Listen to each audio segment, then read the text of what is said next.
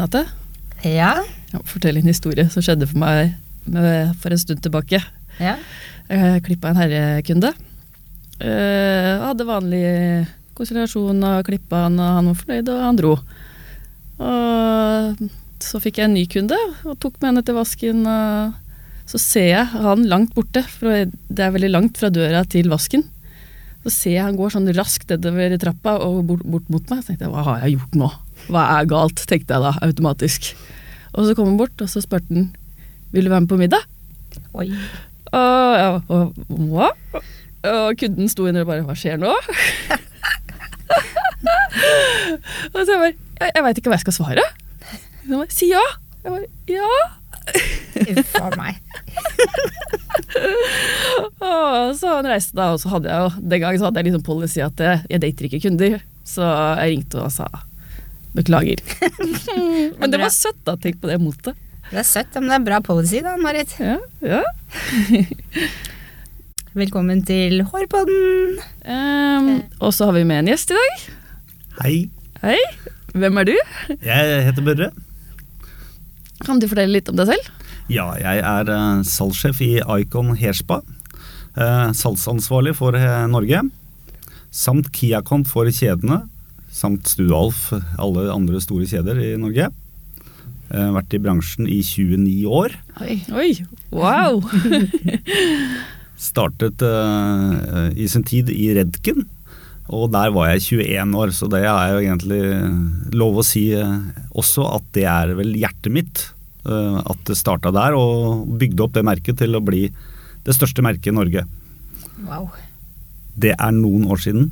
Nå jobber jeg som sagt i Icon Hairspa, og, har gjort det siden 1. august. Eh, og tre år før det så var jeg i Friends. Så ja, litt erfaring fra bransjen. Veldig glad for at du er på Icon, altså. Bare sagt det. Takk, jeg er veldig glad. Jeg er veldig glad. Føler at jeg har kommet hjem, på en måte. Ja, Jeg er veldig glad for at du kommer hit til Hårpodden, jeg, Børre. ja det var i hvert fall det. Det er alltid gøy med gjester. Ja, Mm Ehm, vi har jo noen faste rutiner i podden vår. Vi Det har jo vi. faste spørsmål, to stykk, og så har vi også ukas produkt. Men det kommer vi tilbake seinere i podden. ja. Og så har vi et eh, tema, og temaet denne gangen er eh, naturlig nok Hvem er Icon? Ja, hvem er Icon? Icon er eh, et firma som blei fusjonert fra Enkelt og Greit og Eurosocap Norge i eh, 2017. Eh, Icon Hairspa er totalleverandør av profesjonelle hårprodukter for pleie og farge, samt hud og makeup.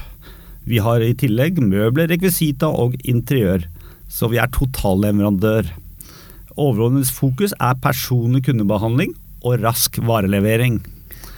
Og eh, kan jeg få skyte inn hvilke hovedprodukter vi har? Selvsagt. Selvfølgelig. Vi har Away, OEM, og ikke minst eh, lanserer vi nå i høst Living Proof. Eh, Norgeslansering. Vi liker å kalle det verdenslansering, men det er egentlig norgeslansering. Fordi jeg har vært i USA, og er i USA eh, i disse tider, og vært en stund, og er det klart største varemerket i USA. Jeg må bare få skyte inn én ting. Det vet, Rask varelevering. Nå har jeg jobba i salong med veldig mange forskjellige leverandører, og det er alltid de som kommer først. Det er Jeg sant. litt- ja, jeg tenker aldri være bekymra for å bestille varer, og bare så det er sagt. Det har alltid vært veldig imponert over med dere. Takk, vi sier én til tre dager. Det Ja. går stort sett én dag. For Frisøren hos meg er litt stressa for at vi går tom for farger, så tenker jeg det er ikke noe stress. Jeg bestiller i dag, det kommer i morgen. Det er godt å høre. Det er, det er god kundebehandling å ha rask varelevering. Så det er et av våre hovedfokus. Og vi har eh, varelagre også på der hvor er kontorene. Så det er lett også å gå inn og pakke hvis vi skulle kreve at du skal ha litt raskere levering enn normalt. normalt. Men du Børre, hva går jobben din ut på? Jobben min går ut på å ha hendene i veldig mye. Egentlig alt som har med salg å gjøre. Så det er mye planlegging, men ikke minst gå på å coache selgere. Det går på å ha fokus på kundebehandling, og at vi skal ha raske, eh, hurtige besøk. eh, Slik at ikke kunden føler at vi eh, er for lenge borte før vi har, før vi har besøket. Hva, hva er din Fordi det jeg har trodd faktisk helt til nå, nå har jeg visst hvem du har vært veldig lenge, at du var selger. Men du var ikke selger. Ja, det sa jeg kanskje ikke det. Jeg var salgssjef i Icon. Ja. Eh, Jeg var salgssjef i Friends, og i Redkin City så var jeg både selger og etter hvert ble jeg Key Account, og der var jeg også regionsjef en periode. Så jeg har vært mye sjef. Så du er liksom sjefen over selgeren, eller? Er det Ja. riktig å si? Det er det det heter. Så jeg har personalansvar for selgerne i Norge. Så det er alt som har med salg å gjøre. At vi når budsjettene våre og at, vi, at det går så det gviner, det er mitt ansvar. Hvor mange selgere er dere? Vi er syv stykker, og vi er nå ekspanderer jo eh, hele tida. Så vi har nå ansatt tre selgere eh, etter at jeg starta 1.8. Wow. Så Oi. satser vi ordentlig. Dere Og- vokser skikkelig. Ja, vi vokser skikkelig, fordi eh, tidligere så har jeg hatt eh, mange områder i Norge hvor vi ikke har eh, hatt selger. Nå ønsker vi å ha selger på plass, for vi vet at kundebehandling det har alt å si for altså, at vi skal få salg og kundene til å bli fornøyd. Så bra. Det at Living Proof kommer nå, det er jo ganske stort. Jeg er education manager i Livingproof. Ja. Veldig spennende. Uh, Livingproof ble starta i 2005 i USA. Det er vel den mest voksende produktserien i USA ever. Egentlig, i hvert fall til nå. Mm. Jeg mener at de hadde 147 priser. Om ikke det har blitt flere i løpet av de to siste ukene, så var det i hvert fall 147 sist jeg sjekka det. Og det som jeg tenker er revolusjonerende med Living Proof, er vel at det er forskere som jobber bak det. Som har forska fra molekyler som eh, tar bort årsaken til de største problemene vi har i håret. Som er da skittent hår, altså smuss og fett, friss og volum. Eh, og de molekylene legger seg Et av de legger seg på utsiden av hårstrået, som gjør at du faktisk ikke trenger å vaske håret så ofte. For skitt og møkk får ikke festa seg verken fra utvendig eller innvendig. Og da slipper du å vaske håret så ofte. Og så har de stylingprodukter som gjør at du halverer føntiden. Og på den måten så sparer du verden for to av de tingene som vi trenger mest. Og det er jo strøm og vann mm. som det er manko på. Og nå har det liksom vært lange tider hvor vi bare har snakka om liksom grønne produkter som er eh, biodynamisk dyrka. Living Proof er jo ikke det, men de er jo en grønn linje, bare på en helt annen og nytenkende måte, tenker jeg da. Så Jeg er veldig enig. Det er en veldig spennende serie. det er, jeg gleder meg til vi får det inn i salongen. Det burde dere. Vi har jo ONM, da, som er vårt nyeste merke fra Icon. Uh, og det har jeg brukt veldig mye, og syns det er spennende med nye serier, da. Og det, det ONM er jo bygd opp av stylister. Og det merker du veldig godt, for de har liksom de spesielle Ok, de har den hårsprayen, og den fungerer liksom på alt du trenger. Og de har én The Balm, som er veldig sånn eksklusiv og fungerer på det, og det den skal. Og så har du en tonic som passer bra hvis du er på settet. Det er liksom så veldig sånn akkurat det en stylist trenger, da. Som jeg liker veldig godt med den serien. Så har den selvfølgelig sjampoer og kurer og sånn som kunder kan bruke hjemme. Living Proof har jo også stylister som jobber med produktene, men forskjellen er jo at de som jobber bak, som lager produktene, det er jo forskere. Og den ene forskeren som jobber på MIT-senteret til dr. Lang i USA, i Massachusetts, hun har, drev tok en doktorgrad på Harvard og ble henta inn. Og da hadde hun vært med på å utvikle en medisin mot brystkreft, faktisk. Og det er klart, når du får inn så kompetente mennesker, så får du et produkt som er ekstremt bra. Og det er jo det Living Proof er. Men jeg også elsker jo O&M, selvfølgelig. Og Away. Og jeg var veldig glad i Redken i sin tid, og er jo fortsatt det, egentlig. Så Ja. Ja, jeg er også glad i Redken i sin tid, men eh, det er jo rart med det. Mm, Gamlekjæresten, eh, den ruster ikke, men eh, jeg liker bedre de nye, da. Så den er nye- mest spennende. Den nye kjæresten er veldig spennende, og, og jeg liker den veldig godt. Jeg liker henne veldig godt. ja. Living Proof skal jo lanseres, som jeg sa litt tidligere, 17.10 med ordentlig kickoff i Oslo. En ordentlig en, eh, med brask og bram. Vi regner med å være rundt 200 mennesker. Og, eh, men vi er jo allerede rundt og begynner å promotere og begynner å snakke om Living Proof, og det viser seg at det er veldig lett å selge inn. Eh, Frisørene ønsker ta produktene, og de tar de argumentene til Renate rett til seg. Så jeg er ganske så overbevist om at det merket kommer til å bli en av de største merkene i Norge i løpet av kort tid. Men det som er spesielt, er liksom det har vært og sett hvordan de lanserer produkter når jeg har vært i utlandet f.eks. i forhold til Living Proof. da. Det er at Når de snakker om den molekylære oppbyggingen og sånn, så er vi frisører vi er, jo, vi er jo kreative. Vi får liksom vi får lyst til å sove underveis. Men Når det begynner å bli litt mye informasjon med ting vi kanskje ikke helt veit hva er, så henter inn dokker, så henter inn produkter, og så får vi teste det. Og da ser vi at det de sier, som er forskningsbasert, det faktisk funker. Vi får det inn i hendene. Og da blir det veldig gøy, for det fungerer virkelig. Ja, for det er veldig mange produkter i dag, og det er kjent i bransjen, er jo at mange produkter går i samme gryta, og man rører om. Og så setter man en ny forpakning på eh, produktene og selger det videre ut. Mens eh, Living Proof er noe nytt og spennende. Og det er klart det er patenterte ingredienser, og jeg sammenligner litt sånn med den tida hvor eh, Redcrem er lansert. For fryktelig mange år siden. 1980 ble det lansert. Da også var det litt sånn man gikk inn med doktorer og forska seg fram til patenterte ingredienser. Litt sånn som Living Proof, bare Living Proof er jo nåtiden, og den har helt gått et langt skritt videre. Så um, Derfor så er det kvalitet i, i første hånd når det gjelder Living Proof. Det er uh, veldig mye spennende som skjer på Icon. Altså jeg gleder meg til å følge Icon videre. Dere veit at Nilens jord er et hud- og makeup-serie. Uh, ja, det kjenner jeg veldig godt. ja, og Det er et av de merkene som uh, var kjent før jeg starta Icon, og det er et merke som vi skal satse masse på. Og markedet det krever jo egentlig makeup i salongene også, så det er bare å vite litt hvordan man skal presentere de produktene for kundene. Fordi jeg tror helt avgjørende er hvor produktene er plassert. De må være der hvor kundene av frisøren kan gå og titte og teste litt og lukte litt og prøve litt. Og gjerne rundt der kassa er. Eh, der man betaler, vet du dere. Mm, ja, det var det. Det ser du hvis du er på Kiwi f.eks. Det er vel en grunn for at alle nye sjokoladene står på kassa. Ja. Jeg så Forrige dagen så hadde de fått Oreo-sjokolade. Den var rett foran der jeg skulle betale. Da har jeg lyst til å kjøpe Oreo-sjokolade, selvfølgelig. Og ikke snakk om alle barna. Alt ligger jo i høyden deres. Mens vi skal egentlig ha produktene som vi vil selge i 1,60 ca. Øyemål. Mm. 1,60, er det høyden din? ja, det er min høyde. Men det lærte jeg på skolen, på design og håndverk, når jeg tok bacheloren min. At hvis du skulle selge, så skulle du ha det fra 1,60. Hvis du hadde høyere, så du ser ikke opp, og du skal egentlig ikke se ned heller, men du skal se rett fram. Så det er den høyden som anbefales. Og så skal jeg fylle på enda en ting fra den bachelorgraden din. Hvis man kommer inn i salong, eller en butikk for den saks skyld, så er det mot høyre man eh, helst skal stå. Eh, produktene er der man på en måte drar seg til, og det er da man på en måte får lyst til å kjøpe. Venstre. Jeg tenker også du har plassert i grensen.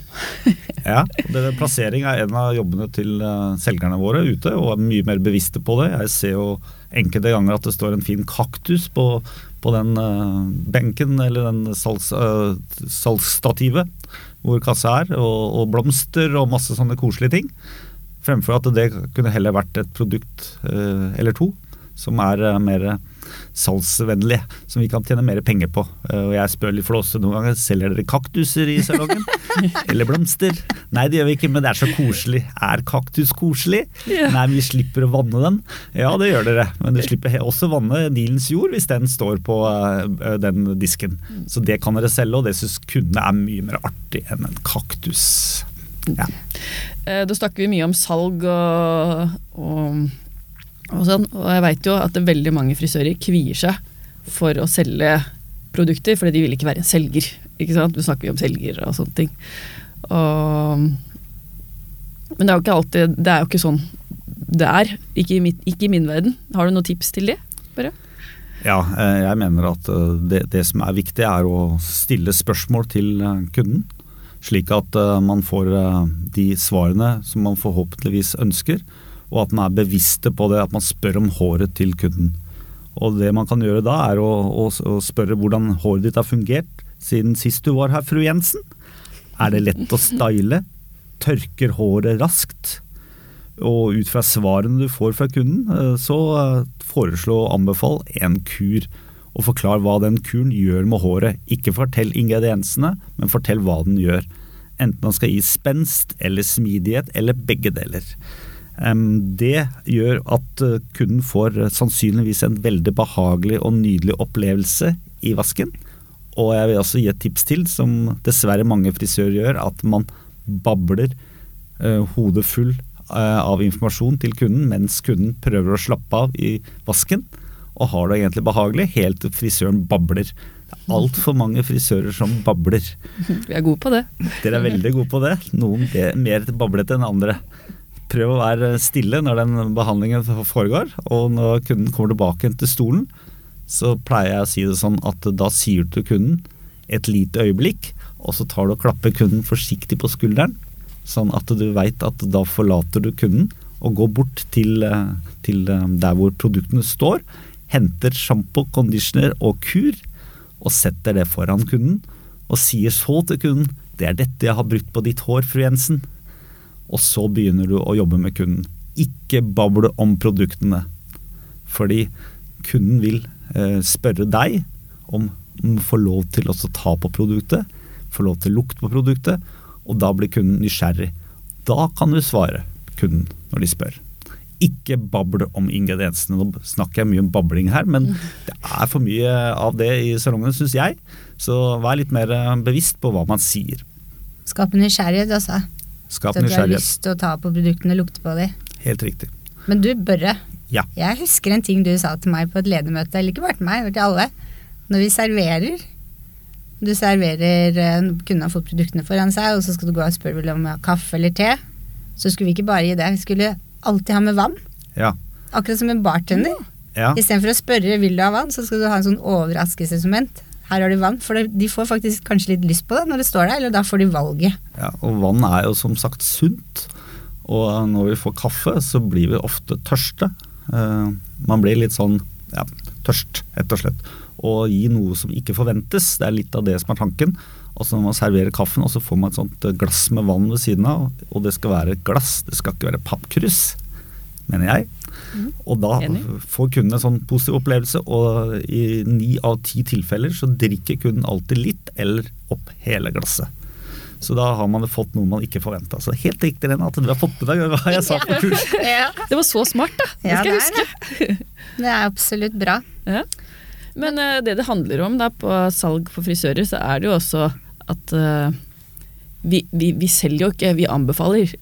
For mange føler at de er selgere og pusher og Du forventer jo å komme liksom Hvis du kommer til en hudpleie, så forventer du å få liksom Ok, dette er bra for min hud, eller komme til en kjøtt, kjøttvarebehandling eh, Kjøttvarehandel. eh, og, og få det beste kjøttstykket. Du vil jo liksom vite hva er mulighetene mine? Ja, du kan få det kjøttet, for det er prima, for kua drikker bare Nå kommer jeg ikke på noe, på noe der, men de, spiser bare økologisk gress fra den gården her. stemmer det, stemmer det. Eller så kan du få fra denne kua her, som er en alminnelig ku fra Beitostølen. Yes. Ei alminnelig ku, ja. Hvordan ser den ut? Det er sånn Litago. Er Du vet, sånn som produserer sjokolademelk. Så herlig. Det er jo et av mestselgende produktene i dagligvaren blant unger. Men eh, kan jeg gi et tips der? eh, Fordi det er så viktig, igjen som jeg sa tidligere, er at vi må være mye flinkere til å stille spørsmål til kundene sine. Få, få informasjon før man gir det. Jeg må, jeg, hvis jeg kan ta et eksempel til. Jeg har jo vært i bransjen en stund. Jeg har også vært og handla andre ting eh, noen steder. Blant annet skulle jeg inn og så kjøpe meg et stereoanlegg, som det het for noen år siden. I dag så heter det vel ikke det, men det het det da. Mm. Og så kommer jeg inn et hipt sted, og så spør jeg om, eh, om, om, om det er mulig å få kjøpt et anlegg her. Og så gliser mannen og sier ja, selvfølgelig, kom hit. Og så drar han meg bort til et eh, stereoanlegg som var stort, svære høyttalere, og det var på tilbud. Og han fortalte om alt det det produktet inneholdt, av watt og det ene og det andre. Og så, etter han var ferdig etter noen minutter, så var jeg ganske sliten. Og så sier jeg til han eh, Du har ikke tenkt å spørre meg hva slags behov jeg har, eller hva slags ønsker jeg har av stereoanlegg? Jo, hva er det du ønsker? «Eh, Jeg ønsker et anlegg som er pent, og som spiller bra, sa jeg. Ja, nei, men det, det var ikke dette anlegget, nei, sa jeg. Altså, det, jeg går et annet sted, for jeg syns du behandla meg veldig dårlig. Et annet eksempel som er litt i bransjen, det er jeg må også ta den, det er hvor jeg kom inn i en klesbutikk. Og det står en, unnskyld uttrykk, en blondine bak, eh, bak disken, Renate. Ja, det er, jeg sitter sammen med et par blondiner her, jeg gjør det. Men når det er bare et eh, Det var en blondine som sto der, så kom hun bort til meg, og så, så, så sier jeg hva, hva du ønsker? Jeg ønsker en bukse. Kom her, sier eh, blondina. Og går, drar meg bort til en tilbudsstativ til bukser. Og så forteller han hvor billige de er, og hvor kulde kule de er. Og igjen så stilte hun ingen spørsmål om eh, hva slags behov jeg hadde. Og så etter hvert da, så sier jeg til henne, så står det, står det tilbud i panna mi. Hva mener du? Jo, for du har dratt meg bort til en tilbudshylle. Jeg ønsker det siste og det kuleste, ikke en tilbudsprodukt, for det er B-produkt for meg. Å ja. ja, så du trodde at jeg så sånn ut, da? At jeg bare ønska tilbud? Eh, Nei, det var ikke sånn ment. Nei, beklager. Ha det.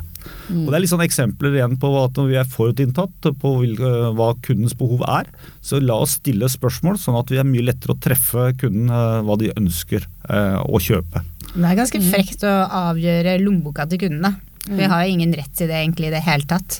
Nei, og det er altfor mange som gjør det, og jeg ser jo også en del salonger og frisører som tar jo godt betalt for behandlinger, for det er jo prisen. Og når det kommer til eh, at man skal selge produkter, så blir man litt smånervøs. Grunnen til det at det begynner å bli 2000 og 3000 kroner, og man vet hvis man eh, anbefaler produkter, så blir det kanskje fem og seks. Og da føler man at man får litt pusteproblemer, og da, som Renate sier, da begynner man jo å tenke på kundens lommebok. Så, og der går vi en bommert. Da dømmer vi kunden, og det er utrolig stygg måte å behandle andre mennesker på. Men det Ja, er jo hvis de får samme følelsen som du får der, det blir jo det, det samme. Så det, Ja, det gjør det. Altså, og samme er jo i salonger hvor man har den ene personen, frisøren, står og prater eh, råd og veiledning, og frisøren ved siden av sier ingenting. Og kan tenke deg hva slags kundebehandling det er. Den ene kunden får en god behandling, den andre kunden får ingenting. Og den som ikke får noe, den sitter ofte igjen med 'hvorfor får ikke jeg vite noe'? Men altså, du har jo kundene i stolen til å begynne med, og så har du en konsultasjon. Og så viser kunden din her f.eks. et Insta-bilde med en farge de vil ha. Og så forklarer du for det første at det er et Insta-bilde, og så forklarer du gangen i jobben, og alt kunden må gjennom for å komme fram til å være så lik som mulig som det Insta-bildet kan gi kunden. Da. Så underveis så forklarer du jo prisen, så da veit du jo som frisør hva det vil koste. Men vil jo, jeg vil i hvert fall uansett anbefale produkter. For det, det kanskje er det som gjør at en klarer å style det sånn som Insta-bildet. At det ikke bare er fargen eller klippen i seg sjøl. Ja. Den trenger det også for å holde det sånn som de ønsker det. Ja, fordi det, det, det er jo det som er å være en god stylist. Det er jo når man begynner å jobbe på kundens hår, så begynner man kanskje med et skum, og setter det foran kunden som helt naturlig. Trenger ikke si så mye, for kunden forstår jo at det skummet er med og bygger opp frisyren. Så fortsetter man kanskje med en paste, så avslutter man f.eks. med en hårspray. Da står det tre produkter i styling foran kunden. I tillegg så står det jo sjampo, conditioner, kur fra litt tidligere, for man hadde jo den eh, hvor man henta tre produkter som ofte er litt sånn kinkig. Når gjør man det? Det forklarte jeg i stad, at da gjør man det etter at man har fått en, eh, en massasjekur med vasken og satt i stolen. Da har man altså til sammen seks produkter foran kunden. Så er greia da, når man begynner å bli ferdig, så ser man jo hvor fin man er når man tar av seg kappa og ser bra ut. Fru Jensen. Fru Jensen går igjen. Og fru Jensen ser jo veldig bra ut og er fornøyd med frisøren. Og det man da må gjøre, er jo å si til kunden er jo at du ønsker å ta med noen av disse produktene hjem. Vil du prøve noen? Finn en måte å si det på. Sånn at man ikke bare sniker seg bort til kassa bare håper at kunden tar med seg noen. For da kan ofte kunden glemme det, fordi man er så opptatt av å se så bra ut. Og komme seg ut til å vise seg for venninnene sine. Du, jeg lærte en gang at en måte å få kunder til å kjøpe produkter på, var å ta med produktene tilbake til hylla og sette dem på plass. Sånn at kunden fikk en følelse av at de ikke fikk kjøpe det. Og så før jeg gikk bak kassa, så kunne jeg si du, kunne du tenke deg å ha med deg noe av det vi har prata om under konsultasjonen av styling og sjampo? Og da vil kunden automatisk Det har jeg prøvd. De vil kjøpe sette fram seks produkter, så kjøper de alltid tre til fire. Riktig. Ja, det er psykologi, og det er veldig riktig. Og det er mange måter å gjøre dette her på, mange veier til rom, som det heter. Og det er mange, mange forskjellige typer frisører, hvor mye styrke man har, og, og hva slags trygghet man har. Og det, ja, det er en teknikk, dette her, men det er viktig er at å finne kundens behov, og så komme med anbefaling. Da har man gjort jobben. Og hvis kunden da føler at man ikke har råd, så, så er jo kundens lommebok som styrer det. Ja. Men det er mulig å gi med en brosjyre og avkrysse de produktene man anbefalte. Og skrive 'klem hilsen Renate' f.eks.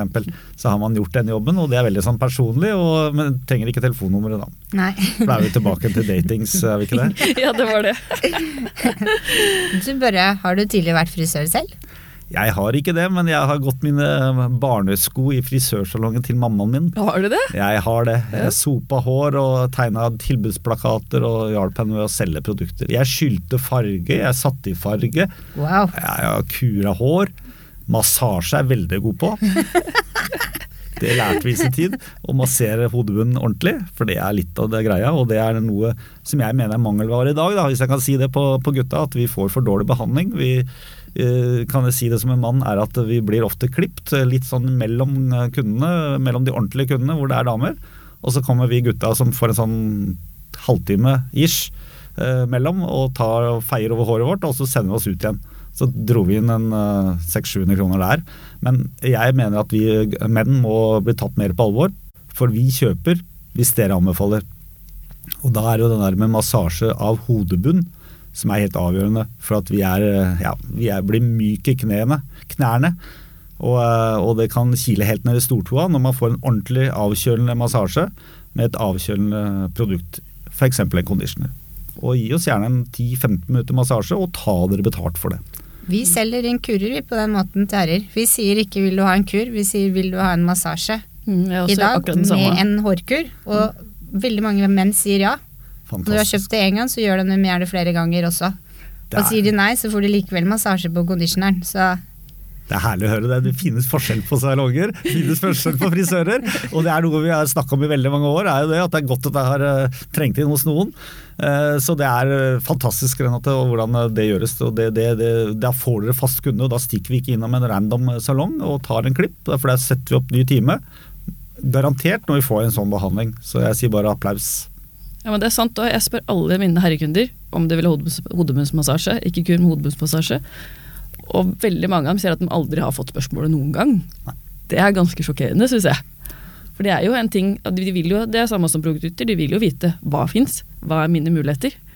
Og så er menn også mer trofaste kunder. Mm. De følger deg jo hele veien. Men ja, kvinner de kan være litt utro og prøve andre innimellom. Mm, det er, er, det et område vi menn er tro på, så er det hårprodukter og frisør. Eh. Mulig jeg traff litt her, jeg høres det høres bra ut, det. Ja. Har du alltid hatt en interesse for frisørbransjen, siden med at du har vokst opp i en salong? Nei, egentlig ikke. Det var tilfeldig. Jeg har prøvd å komme ut av bransjen flere ganger, men eh, det er jo så mye moro, det er så mye søte frisører. Og, så det er liksom jeg, jeg, har blitt der eh, nå i snart 29 år, så det er en lang tid. Det er jo nesten hele arbeidslivet mitt. Så jeg regner med at jeg kommer til å gå av eh, når jeg blir 70-80 år i sin tid, og, eller framover. Så, så vil jeg da fortsatt jobbe i bransjen. For det er jo ja, det er en gøy bransje, det skjer noe hele tida. Så jeg liker det. Helt enig. Ja. Eh, hvordan ser du på frisørbransjen om ti år? Ja, om ti år så er jeg ganske sikker på at det er mye av det vi snakker om nå, er at de som overlever i, i bransjen av frisører, som gjør det godt. Det er de som er gode på råd og veiledning og god service. Og dere har jo sagt bl.a. hvordan dere behandler gutta. Og det tror jeg er helt avgjørende, at vi er et marked hvor eh, det er voksne. Vi vil gjerne se bedre ut eh, og oppføre oss ordentlig og alt det der. Det gjør vi jo alltid, men vi vil gjerne se bra ut. Og Derfor så har jeg veldig tro på at man gir gutta en god behandling. Og ikke minst selvfølgelig damene, så er det som er framtida. Disse salongene som på en måte er bare sånn kjapt, trygt og billig, de tror jeg ikke er framtida. Jeg er enig. Jeg også ser for meg, for Vi er så digitalisert i dag, at det er det som hudpleie, frisører, negler, vipper, alle disse, de blir så viktige. For det nest, blir vel nesten det eneste du faktisk har kontakt med mennesker, liksom. Sånn innenfor komfortsonen. Så jeg tror det blir veldig viktig ja, fremover. Ja, og de trygt og billig blir nok borte, ja. Jeg er helt enig. Tar dere jakka på kunden når de kommer inn eh, døra? Ja. Tar den av og på, faktisk. Av og på? Ja, jeg tar av jakka, henger den opp, og så når du skal gå, så tar jeg og henger jakka på plass på kunden. Har, vi, har dere vært på kurs med meg? Jeg har vært på Best uten saks. og det er det samme kurset som jeg også er oppdratt på. Så det høres veldig bra ut. Det er jo ikke tilfeldig at vi eh, snakker samme språk. Nei. Så det høres kjempebra ut. Ja, det er liksom sånne ting som har kommet i ryggmargen vår, akkurat det der. Så jeg føler liksom, Hvis de ikke vil at jeg skal ta jakka, så føler jeg at jeg løper etter dem. Jeg, jeg kan ta den, jeg kan ta den! så det, ja, det er viktige ting å huske på. Håndhilser dere på nye kunder? Alltid. Perfekt. Og vi har lang konsultasjon. For jeg tenker at det er jo det, det, er jo mye av servicen i dag. Det er jo Kundene kan så himla mye om absolutt alt, for de googler alt, og det er på YouTube. Så vi må på en måte hele tiden kunne snakke bevisst på hva vi holder på med. Snakke fagspråk og være bedre enn kunden egentlig på det vi driver med. På nye kunder, eh, tar dere på kappa, eller lar dere kunden sitte uten kappe når det er konsultasjon? Uten kappe under konsultasjon. Hvorfor det? Jo, for at du ikke skal få følelsen at de skal bli klippet med en gang. At du stresser på en kappe og har dårlig tid. De skal føle seg bekvem. Fantastisk. Og så ser man også hva slags stil de har. Ja. Og, mm, tar dere også setter dere ned sammen med kunden, eller står dere over og Sitter og foran, vi. Fantastisk. Åh. Har øyekontakt. Og så avgjør vi ikke lommeboka eller alderen på kunden ut ifra hvordan vi har lyst til å klippe det, eller hva kunden ønsker. Nei, vi snakker samme språk. Kan bare si det rett ut. Samme språk. Høres klinger så godt når dere snakker sånn, altså. Du, jeg har en kamerat som spurte Det har jeg tenkt på veldig mye i faget mitt. Uh, han spurte svigermora si. Han sa du Elisabeth, hva, du og venninnegjengen din, dere er helt like på året, og det er sånn 40-50 pluss. Uh, hvorfor klipper dere kort og får den røde stripa i luggen? Hvorfor ser dere ut som pantertanter hele gjengen? Dere har jo flott hår, går det an å så spare det litt? Og det har jeg tenkt på, for da tenker jeg at da går de til en frisør, eller tenker sjøl at de må være kort pga. alderen. Og det er jo helt rart. Hvorfor skal du slutte å være feminin bare fordi du runder 30-40-50 hvis du har et hår som du kan ha litt lengde på? Det, det er så riktig. Så jeg har et godt eksempel som jeg kommer tilbake til eh, litt seinere, som eh, gjør veldig mye av det du sier der. Altså, det var jo sånn i sin tid at runda du 40, i hvert fall, kanskje i hvert fall 50, så skulle du ha kort. For ellers så så du ut uh, litt sånn krampaktig. Men nå er det en del med masse nye muligheter som jeg kommer tilbake til litt seinere.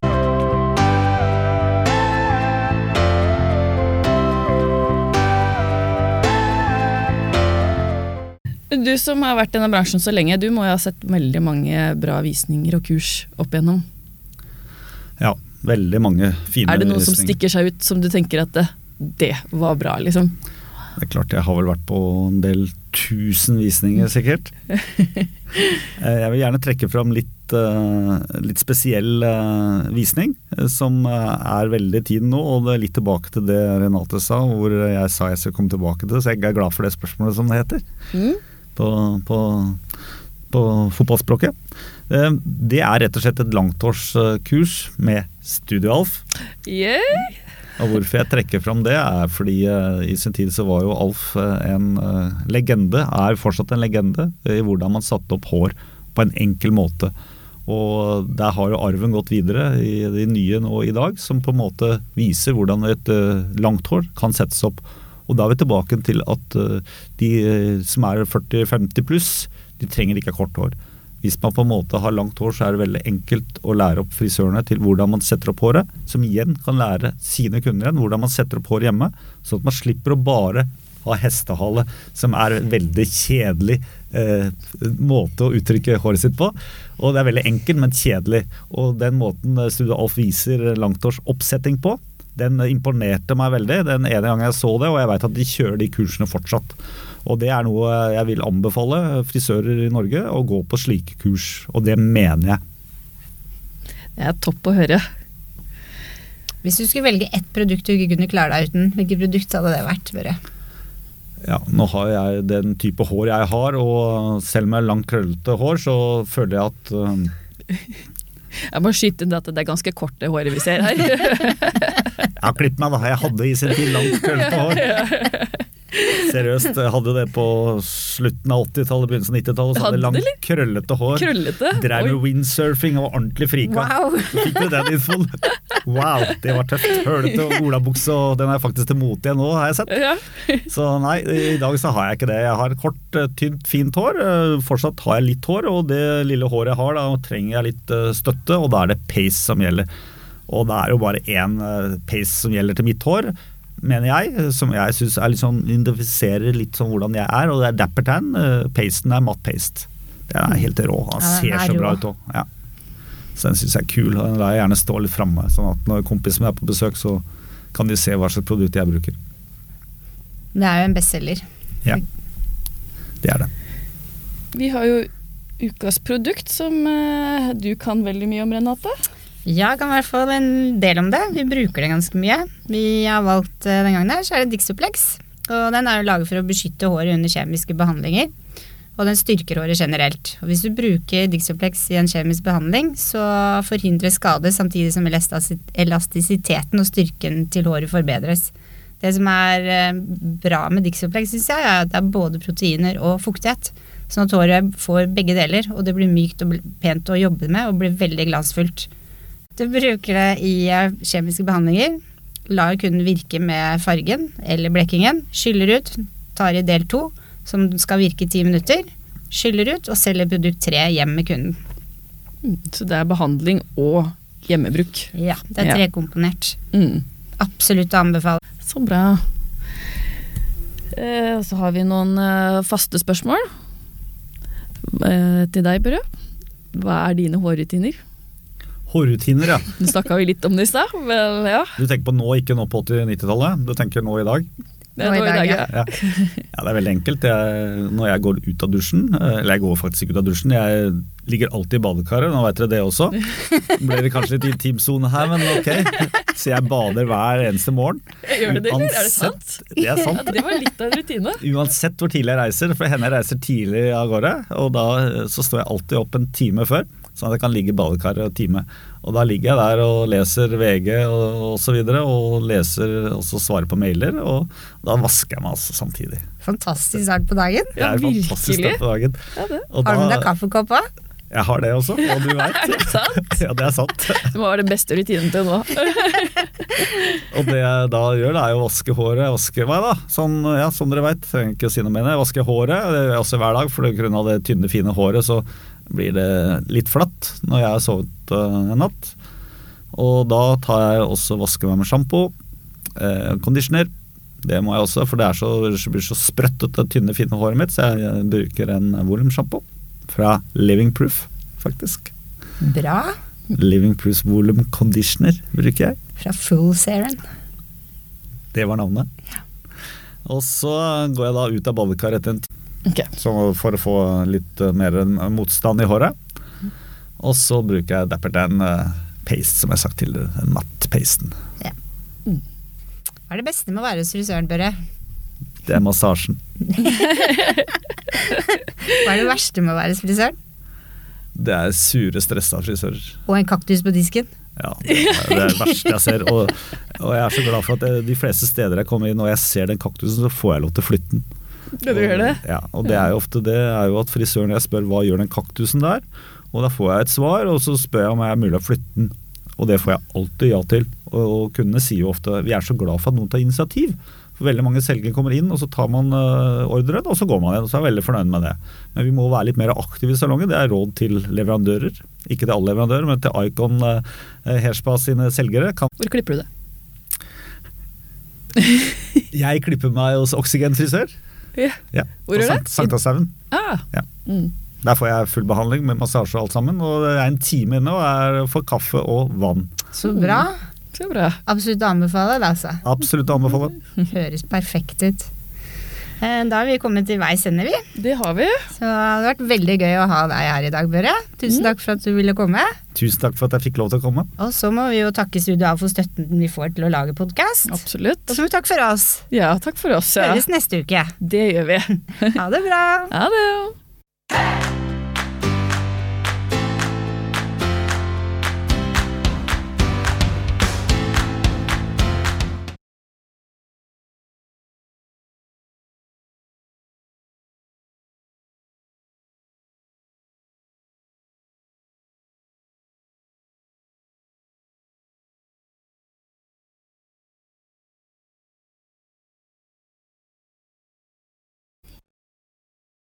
Har du et enkeltpersonforetak eller en liten bedrift? Da er du sikkert lei av å høre meg snakke om hvor enkelt det er med kvitteringer og bilag i fiken, så vi eh, gir oss her, vi.